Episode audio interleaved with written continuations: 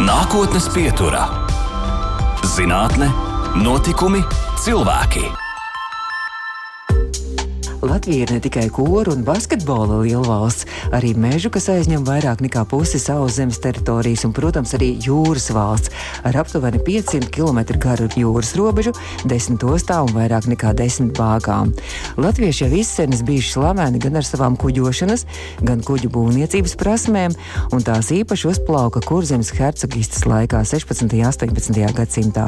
Ar hercoga jēkaba gādību tika uzbūvēti vairāki simti burinieki, 20 27 kuģus kurzemes meistari pat darinājuši Francijai un 6 Lielbritānijai. Savukārt mūsu jūrniecības leģendas jaunatviešu Krišjāņa Valdemāra pētījumi ekonomikā vainagojās ar ideju par kuģniecības kā perspektīvas nozares attīstību un domu par latviešu jūras skolas izveidi. Radās arī jaunas ostas, Ainažos, Pāvilos, Tārojā un Salacgrīvā. Nākotnes pieturā ne tikai par to mantojumu, kas dara mūs lepnus, bet arī par to, kas rada bāžas un liek meklēt meklēt jaunus risinājumus, lai saglabātu mūsu jūras ilgspēju, mazinātu piesārņojumu un biodaudzveidības apdraudējumu. Šovasar plašu rezonanci izraisīja Rīgas Tehniskās Universitātes Latvijas Jūras akadēmijas projekts, kura mērķis bija Baltijas jūrai palīdzēt atbrīvoties no tā dēvētajiem spoku tīkliem. Un nākotnes pieturas viesņa Rīgas Tehniskās Universitātes Jūras akadēmijas asociētā profesore, ekonomikas zinātņu doktore Astrīda Rīkore. Labvakar! Jāsaka. Labvakar! Jūs esat ne tikai šo, varētu teikt, spoku tīklu, arī viena no tādām idejas autoriem un arī mentoriem, bet jūs arī šobrīd esat studiju programmas ostu un kuģošanas vadības direktori.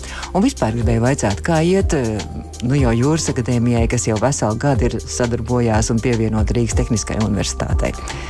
Jā, patiesībā tūlītās būs jau vesels gads riņķī, kopš mēs esam daļa no lielās Rīgas Tehniskās universitātes saimnes, bet uh, cenšamies būt uh, neatkarīgi un patstāvīgi. Un uh, šis konkrētais projekts, par ko jūs runājāt, kas bija mūsu šīs vasaras izaicinājums, patiesībā bija veids, kā mēs centāmies pievērst un izglītot sabiedrību par šo problēmu, kas ir Baltijas jūrā, par šiem spoku tīkliem un um, identificēt to, cik tā ir liela problēma. Bet kas ir spoku tīkli? Mēs jau te nācām uz studiju, un tieši arī mani kolēģi prasīja, kas ir spoku tīkli.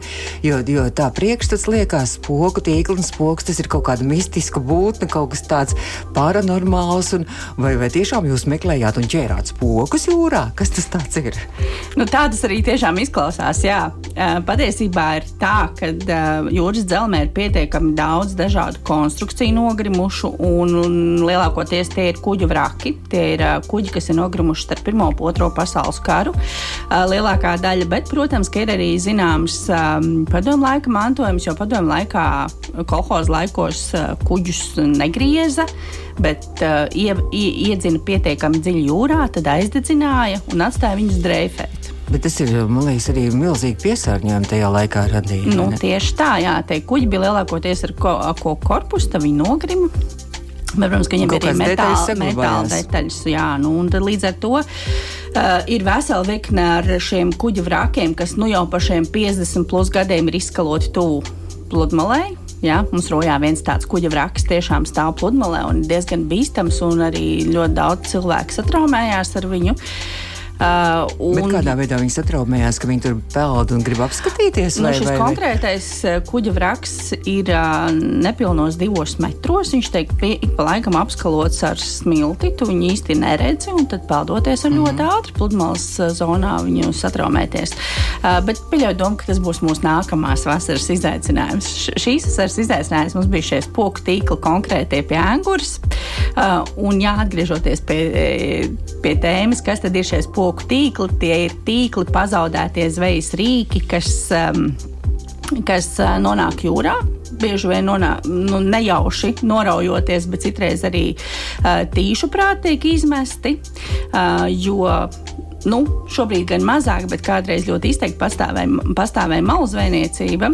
Un līdz ar to tie tīkli nonākot jūrā, tad mm, atrodot šo vietu, kā uzķerties, bieži vien aizsarās ar šiem kuģu vrakiem un turpina zvejot. Uh, un tas ir visstrakākais un bīstamākais, ka viņi turpina zajot, viņā ieķerās visas jūras radības. dzīvās zivis, ronīši uh, un vis, visi biotopi, kas mums tur atrodas Baltijas jūrā. Nu, jā, un, arī, un, un, un, un līdz ar to jā, viņiem pašiem pašrocīgi neizdodas atbrīvoties. Un arī šī konkrētā gadījumā, kurš mums bija šīs vasaras izaicinājums, tad jā, mēs pietiekami daudz atbrīvojām dzīves zivis, un bija pietiekami daudz arī, nu, kas jau bija gājušas bojā. Bet jūs arī zināmā mērā esat, es saprotu, arī idejas autori, jo, jo jūsu students laikam bija viens no tiem, kas, kas arī Ēngurs ostā arī strādāja. Jā, nu īstenībā pateicis puku tīkliem Latvijā praktiski neviens tā īsti nebija līdz šim iedziļinājies un runājis. Vienīgais pētījums, ko mēs atradām, kad mēs sākām par to domāt, bija Pasaules dabas fonda pētījums nu, par ezeriem vairāk. Uh, un, jā, tas sākās patiesībā ar to, ka pie manis atnāca mans doktorants Jānis Megnis, kurš ir arī gan Rojas, gan Angūras ostu pārvaldnieks. Viņš teica, zini, man tur ostas akvatorijā ir nu, pilns ar tiem rakiem, un, un, un, un, un viņš rakstīšot par to doktora disertāciju. Uh, un tad mēs sākām pētīt, ka patiesībā uh, Baltijas jūras reģionā Skandināvijas pusē šāda tipa pētījuma. Mūsu piekrastē neviens īsti šo nav pētījis, un zinātnisko rakstu nav. Jā, uh, un tas bija liels izaicinājums mums ar Jāni. Tad mēs um, sapratām, ka mums tā ideja ir nenormāli forša, bet, uh, lai, mēs da, lai, mums, lai mēs to darītu, mums ir nepieciešams kaut kāds finansējums. Uh, un tad mēs citīgi rakstījām projektus. Mēs abi rakstījām projektus, piedalījāmies inovāciju hackatonos. Mums bija visādas idejas, kā mēs varam tur identificēt, cīnīties, uh, uzlabot metodiku, kā, kā tikt pie tiem tīkliem. Uh, jā, un tad viens no tiem hackatoniem bija pagājušā gadā City to Sea. Uh, kurā tad, mm, mēs nebijām starp tām 12 komandām, kas uzvarēja, bet mūsu pamanīja Neste. Un tas bija ļoti interesants sadarbības uh, sākums, uh, jo pavasarī man zvanīja um, no Nestas un teica, ka viņiem šausmīgi patīk tā mūsu ideja un ka viņiem gribās ilgspējīgu plānu, uh, ko darīt, kā, kā, kā uzlabot to jūras tīrību. Iepriekšējā gadā viņiem bija projekts, kur viņi attīrīja pludmali, un tagad viņiem gribējās kaut ko tiešām vēl interesantāku. Nu, ļoti izaicinoši arī, man liekas, jā, ļoti ekstrēma. Jā, un tad mēs īstenībā pirmoreiz tikāmies visi lampā. Uh, jūnija sākumā un bijām priecīgi, ka mums ir pilna telts ar interesantiem, kuriem tiešām interesēja tas, te, tas nosaukums. Es domāju, ka tiešām tas spoku tīkls vienkārši piesaistīja to nosaukumu. Man liekas, ka jūs ideāli nosaukumu, jo, jo es nezinu, kā pasaulē es mēģināju arī Tieši angliski ielikt, vai pasaulē arī sauc spoku tīklu. Jā, jo, Gostnets. Tieši, tieši tā, jā. jā, tieši tā viņas arī sauc. Jā. Uh, un, jā, nu, un, tad, un tad bija šīs vasaras akcija, ka mēs uh, atbalstījām šo projektu. Ne, nevis mēs, bet nu, droši vien visa sabiedrība jāsaka. Uh, un kopā izdevās savākt gandrīz 45, ne, 43 tūkstoši eiro liekas, šim projektam. Un, um, jā, tad mums bija pašā augusta beigās lielā ekspedīcijas diena, kad mēs devāmies jūrā. Ūdenslīdē jau bija jau savu mājas darbu darījuši vairāk vairākas dienas. Jo tas ir ļoti bīstami arī un tur dziļumā ļoti lielā arī. Tie ir 20 metri. Baltijas jūrā principā jau pie 10 metriem, nu pat ne 10 ātrāk jau ir melna nakts, ir ļoti tumšs, mums nav ļoti dziļš ūdens tā kā vidusjūrā. Um, līdz ar to jā, tas ir liels izaicinājums un tas stundu skaits nav liels. Ūdenslīdējs līdz divām stundām dienā var strādāt. Tā tādā mm. dziļumā. Nu, lūk, un tad jā, viņi jau bija savu darbu paveikuši lielākoties um, atbrīvojot, atbrīvojot gan zivis. Gan arī pašus tīklus. Jā, jā, un tad visā, visā tajā stāstā arī ar visām publicitātes aktivitātēm bija viena pozitīva pievienotā vērtība. Mūs pamanīja arī uh, zinātnieks no Norvēģijas, kas ir latvieta un kura par šo tēmu raksta doktora disertāciju arī par spoku tīkliem. Uh, tad mēs tā saplānojām, ka uz to ekspedīcijas laiku viņi ir Latvijā un dodas ar mums kopā šajā ekspedīcijā. Un, jā, tas bija ļoti, ļoti, ļoti, ļoti interesanti, ka viņas dzimtajā valstī kaut kas tāds notiek, nevis tikai Norvēģijas fjordos. Nu, lūk, un, jā, un tad, tad, tad, tad tajā brīdī, kad mēs izvilkām tos tīklus, mēs bijām stipri pārsteigti par to, ko mēs ieraudzījām. Jo tas kuģa vraks, kurš tur atradās tajos 20 metros, bija starp Pirmo un Otro pasaules kara nogrimis, tad tīkli bija praktiski visi padomu laika tīkli. Jo tas visi bija, kaprons. kaut kur un sapirušies. Jā, tie pārsvarā bija kaprona materiāls, jo, ja mēs runātu par to laiku, tas kuģis bija grims, tad tas būtu, tie būtu kokvilnas tīkli. Tā kā tas bija tiešām tas, kas bija padomu laikā saķēries, jo šobrīd pārsvarā ir Ķīnas ražojuma tāda žila. Nē, tas ah. pat nav kaprons, tas ir tāds mikroplasmas tīkls šobrīd. Tas īstenībā ļoti kaitīgi, kas mikroplasmas piesārņojums jau tā ir. Protams, jā, tieši tā. Un tad mēs bijām pārsteigti par to, cik dažādas frakcijas no tiem tīkliem mēs redzējām. Acu lielums tīkliem bija no 1 cm līdz 10. Jā. Tātad nu, tur bija nogrimuši traļi un vēl viss kaut kas bija saķēries. Kā, nu, tas kultūras slānis tur bija pietiekami nopietns. Par to bija pārsteigts arī valsts vidas dienas, kas ar mums bija kopā. Viņi tiešām priecājās par to, ka tas nav tas mūsdienīgais Ķīnas, Ķīnas mikroplasmas tīkls, bet jā, viņi bija pārsteigti par to, ko mēs tur izvilkām. Mm, tas droši vien arī smags, kā viņi vispār izcelt ārā to no jūras. Nu, tāpēc arī jā, šis bija izaicinājums lēnām, lēnām doties uh, visu to uzcelt augšā ar pludiņu. Jā, nu, tāpēc arī tas bija liels izaicinājums ūdenslīdējiem, to ilgstoši sagatavošanas mm -hmm. darbus veikt, tad dabūt virs ūdens. Uh, un tad lēnām ar kuģi izvilkt laukā visu to, jā, jo velkot ārā, jo viņš vēl samudžinās mm -hmm. un mhm. sapiņķerējās vēl būtiski, nu, vēl trakāk. Bet droši vien, ka, ka šādi tīkli bīstami ne tikai dzīvē, radībai, droši vien, ka arī, arī citiem kuģiem, kuģotājiem Tieši arī bīstami. Tā, jā, ja viņš ir kuģa ceļā, tad viņš ļoti, ļoti liela varbūtība iepinās dzenskrūvē un nodara arī ļoti lielu tehnisko bojājumu kuģim. Jā. Bet es saprotu, ka jūs arī zināmā mērā jau kaut kādas jau vēl inovācijas pievienojāt, ka arī tur droni tika pielietot arī jau pētot ar to dzelmu jūras.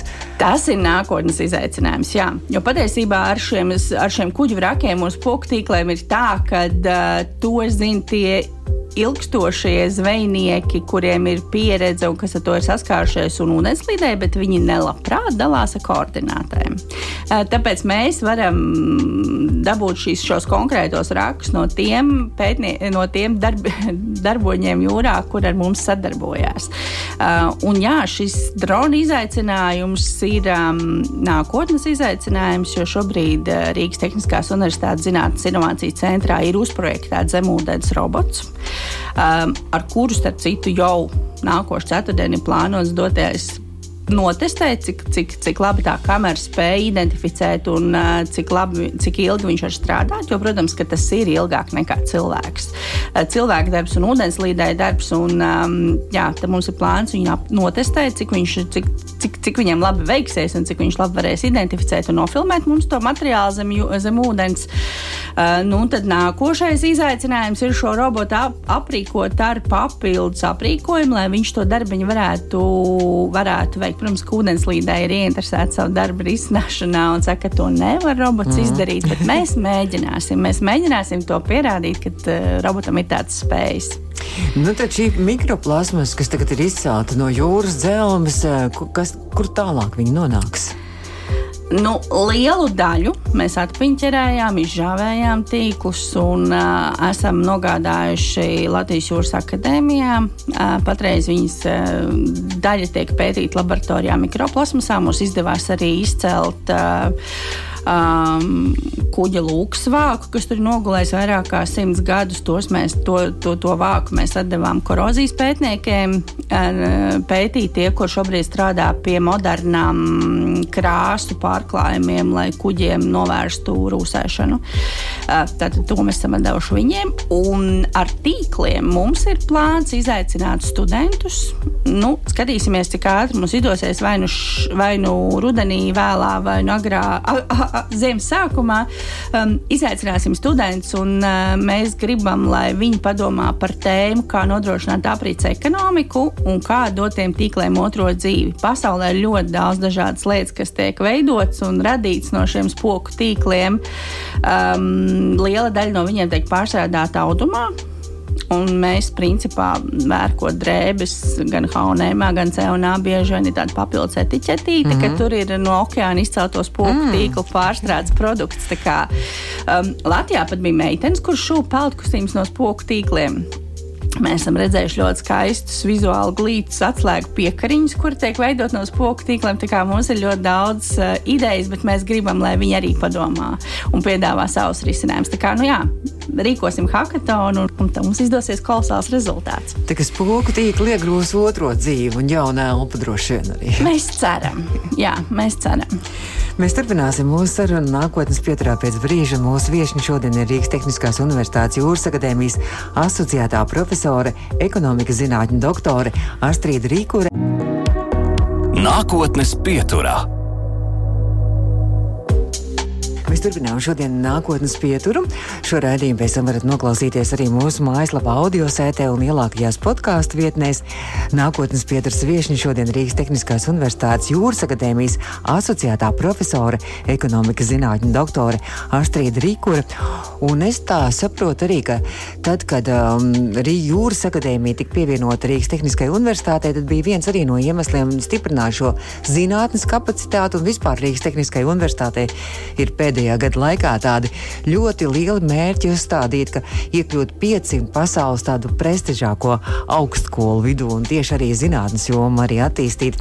Jūs esat arī ostu un kuģošanas vadības programmas direktori. Nu tad par to, par šo programmu, ko tajā var apgūt un ko mācīties, un vai tur arī zinātnes piestiens ir. Uh, visnotaļ noteikti, jā, mums tiešām ir uh, prieks būt tajā lielajā saimē. Tā iemesla pēc, kad mums ir pieejams šobrīd ļoti lielākas tehniskās iespējas kā līdz šim. Uh, attiecībā no laboratorija aprīkojuma arī mēs veidojam šobrīd arī ļoti interesanti sāka sadarbību, kas mums īstenībā nebija tik aktuāli uh, izveidojusies pirms tam, un šobrīd uh, tie pētniecības projekta idejas veidojās uh, dažādās jomās. Jā, ne tikai, ne tikai kuģniecībā, bet, bet, bet dažādās citās. Um, Runājot par ostu un kuģošanas vadību, šī ir tikai viena no divām programmām. Mums ir uh, otra programma jūrniecība, kurā ir gan kuģu vadītāji, gan kuģu mehāniķi, gan arī ku, kuģu elektro. Uh, mehāniķu profesijas pārstāvjiem. Tātad mēs izglītojam šīs trīs galvenās profesijas. Savukārt, ostu un kuģošanas vadībā mums ir uh, maģistra programma, mums ir bakalaura programma, kura uh, vairāk ir vadītāji, ostu vadītāji. Uh, un mēs esam lepni par savu arī jauno doktora programmu. Doktora programma mums ir tikai divus gadus, bet esam lepni ar to, ka mēs divos gados spējām uh, uzņemt 27 doktorantus. Mm, tas nozīmē, ka, ka jūras akadēmija akadēmija ir populāra un pētniecība ir populāra. Jā, nu jomā. nu tie patiesībā pat lielākoties ir mūsu absolventi. Tā kā mums nebija savas programmas doktora, tad viņi lielākoties studēja Tehniskā universitātē. Šobrīd mēs esam viena saima. Tad jā, mēs, mēs, mēs esam priecīgi, ka mūsu absolventi turpina, uh, turpina šīs uh, pētniecības tradīcijas, un mēs arī ceram, ka viņi būs tie, kuri savas zināšanas nākotnē nodos uh, studentiem. Uh, jo zinām laiku viņi ir devušies jūrā, viņi ir sakrājuši pieredzi. Liela daļa no viņiem ir jau kuģu kapteiņi. Un tad viņiem tas uh, periods, kad viņi ir jau tādā cienījamākā mm -hmm. vecumā, viņiem, viņi meklē iespēju strādāt krastā. Tad, um, tā ir tāds kolosāls veids, kā viņi to varētu darīt. Tāpēc viņš šo savu laiku, kamēr viņi uh, vēl ir aktīvi jūrnieki, studē lai pēc tam nāktu krastā un strādāt ar uh, studentiem. Droši vien arī tā pieredze arī radīs arī tās, tās, eh, tās vajadzības. Droši vien viņi arī zina, ko viņi īsti grib arī pētīt. Pilnīgi visnotaļ, jā. Viņi zina tās problēmas ikdienā saskaroties, kuras ir praktiskās problēmas, kuras mums ir nepieciešams risināt. Un tad mums tiešām tās idejas ir nu, jā, ļoti praktiskas. Kāds, piemēram, varam kāds, kāds, kāds minēt? nu, kaut vai jā, kuģu korpus. Uh, nanotehnoloģijas, kuras šobrīd arī īstenībā tiek pielietotas sportā, kamaniņu pārklāj, sliežu pārklājumos. Um, tad mums ir dažādi ķīmiskie risinājumi. Šobrīd mums noslēdzās viens ļoti interesants projekts par zivju liofilizāciju, kur no zivīm tiek izgūts šķidrums, lai viņas ilgāk varētu uzglabāt ar speciālu tehnoloģiju palīdzību. Nu, pētījumu īstenībā patiesībā ir diezgan daudz. Jā, ideja ir daudz, kuras mēs attīstām par vibroakustiku, par. Um, modernām lietām, kas šobrīd ir attiecībā uz viedajām tehnoloģijām, uz viedām ostām, uz mākslīgā intelekta iespēju, cik, cik potenciāli mums būs autonoma kuģošana un cik reāli, kad uh, dzīvus cilvēkus jūrā aizstās bezpilota kuģi.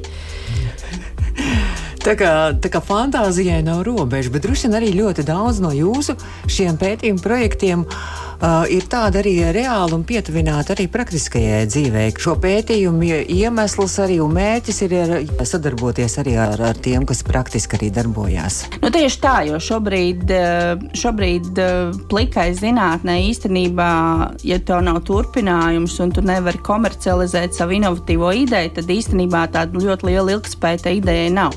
Tāpēc mēs tiešām domājam praktiskas lietas, kuras pēc tam var pielietot dzīvē, kuras kādam var nest nest kaut kādu praktisku labumu.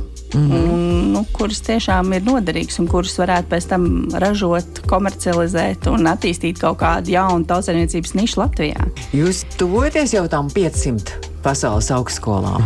Uh, nu, es domāju, ka jā, pilnīgi noteikti mums ir savi mērķi un, un, un visu izšķir, protams, veltītais laiks un, un, un zinātnes kā personāla ieguldījums, jā, jo mm, praktiski kurā augstskolā šobrīd ir tā, ka profesors ir, viņš zināmu laiku pavada auditorijā ar studentiem, bet viņam ir arī zināms lodzi zinātnē. Uh, jā, jāvēl tik pa sešiem gadiem, lai pārvēlētos. Mm. Viņi ir spiesti nodarboties visu ar zinātni. Un tas ir nenormāli forši, jo viņiem tās zināšanas, viss uh, praktiski arī strādājot ar studentiem un vadot diplomu darbus, viņi pietiekami daudz pieredzes sakrāja. Uh, savukārt studenti mūsējie, pa cik viņi pavada ļoti ilgu laiku praksē, viņiem ir ārkārtīgi, viņiem ir katru vasaru pietiekami ilgs laiks, vai nu jūras praksa, vai nu krasta praksa, tad viņi arī nāk ar praktiskām idejām. Mums tie diplomu mm. darbi nav pa teoriju. nu, viņi tiešām ir praktiski, viņi dzīvē ir saskārušies ar lietām. Mums, piemēram, pagājušajā gadā uh, atnāca puisis, kurš bija bijis praksē graudu terminālā, un viņš teica, jūs nevarat iedomāties, cik tonnas graudu gadā apēd baloži. un nav iespējas cīnīties. Viņi, viņi pirmkārt uh, pieķēs tos graudus. Mm. Ja? Pirms viņi nokļūst kuģī, un otrkārt vienkārši ir neiespējami cīnīties. Un arī nu, mēs saskarāmies arī lidostā ar šo problēmu, ar kājām. Ja? Tā kā tās problēmas ir pasaulīgas ar tiem putniem. Uh, un jā, viņš bija atnācis uz aizstāvēšanu praktisku tehnoloģiju, uzskatas līdzekli, ar kā viņš redz to, kādas termināls varētu cīnīties ar šiem nabaga baložiem. Jo tas, tas, tas, tas tonu daudzums, ko viņš nosauca, bija pieciparu skaitlis ko baložu gadā apēd. Tie ir milzīgi zaudējumi vienam konkrētam uzņēmumam. Mēs turpināsim vēl mūsu sarunu. Vēl pēc brīža Rīgas Tehniskās Universitātes Jūras akadēmijas asociētā profesora Astrīda Rīka, kur šobrīd mūsu nākotnes pieturā viesojas. Nākotnes pieturā - zinātne, notikumi, cilvēki. Nākotnes pietur jau pamazām tuvojas izskaņai. Mūsu viesņa Rīgas Tehniskās Universitātes Jūras akadēmijas asociētā profesore, ekonomikas zinātņu doktora Astrīda Rīkure, bet Astrīda, jūs savu ceļu zinātnē un ekonomikā sākāt pavisam citā jomā. Jā, nu īstenībā bija tā, ka es uh, desmit gadus biju nostrādājis satiksmes ministrijā, un transports man bija ārkārtīgi tūs. Bet tā kā man. Bet sauszemes transports. Jā, jā, sauszemes transports, bet patiesībā es strādāju tranzīta politikas departamentā, kas nodarbojas tieši ar ostām. Oh. Uh, un tādas, tā, tā es arī nokļuvu Latvijas jūras akadēmijā, jo viena no manām kolēģiem tur aizstāvēja maģistra darbu. Viņa jautāja man, uh, nu, tu nevarētu būt man maģistra darba vadītājs. Es zinu, nu jā, droši vien vienu, man laikam arī grāts ir, bet tas man likās kaut kas ļoti izaicinošs jūras akadēmija. Uh, jā, un tāpēc tās uh, diplomdarba, viņas diplomdarba vadīšanas es arī paliku jūras akadēmijā. Un, nu jā, un tad nāca pēcdoktorantūras projekti, uh, kur es rakstīju par zilo ekonomiku, un zilā ekonomika ir jūras ekonomika. Bet viņi tādā plašākā kontekstā, kas ir saistīta ne tikai ar pašu jūras attīstību, ekonomisko darbību, ko mēs varētu darīt jūrā un ko mēs varētu uh, uzlabot, bet arī sauszemes piekrastes attīstību. Un tādā kontekstā es arī nonācu līdz jūras telpiskam plānojumam. Jā, tad mēs ar vidas aizsardzības un reģionālās attīstības ministriju izstrādājām pirmo jūras telpisko plānojumu līdz 2030. gadam, kuram tieši tagad mēs esam oh. uzsākuši vidusposmu izvērtējumu. Un Tad, kad mēs rakstījām 17. gadā to telpisko plānojumu par spoku tīkliem, vispār nebija nevienas runas. Tad es saprotu, ka es noteikti gribēšu kādu nelielu nodaļu jaunajā telpiskajā plānojumā arī par vidas, vidas piesārņojumu problēmu. Jā, tas prioritātes laika gaitā arī mainās un arī uzaug jaunas problēmas, un mēs pamanām jaunas problēmas. Tieši tā, tieši tā. Bet kā jūs vispār līdz ekonomikai nonācāt? Kāpēc jūs sākāt ekonomiku studēt? Es studēju Latvijas, uh, Latvijas universitātē Latvijas tautsēmniecībā doktora programmu.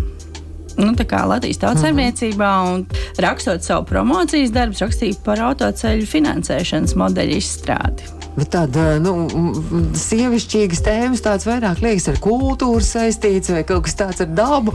Jūs, jūs izvēlējāties tādu, nu, riktīgi tādu, nu, zinātnisku tēmu. Jā. Nē, nu, transports, jā, mm -hmm. un mhm. ekonomika, tas bija veids, kā viņas, kā, Jums labi, kā matemātika viņas... laikam. Jā, jā, jā, jo šobrīd es pasniedzu arī mikro, makroekonomiku studentiem, jā, un man tiešām liekas, ka visu var loģiski tikai matemātiskās formulās un, un diagrammās salikt. Bet mēs turpinām un redzējumu noslēdzam ar kaut ko tādu absolūti neloģisku, un tā būs atkal vēl viena mūzika. Un es saku lielu paldies jums, un sveiciens Jūras akadēmijas studentiem, un lai tiešām tad jaunas idejas, jauni projekti, un nākamajā vasarā tad mēs gaidām, gaidām turpinājumu ja šiem spoku tīkliem.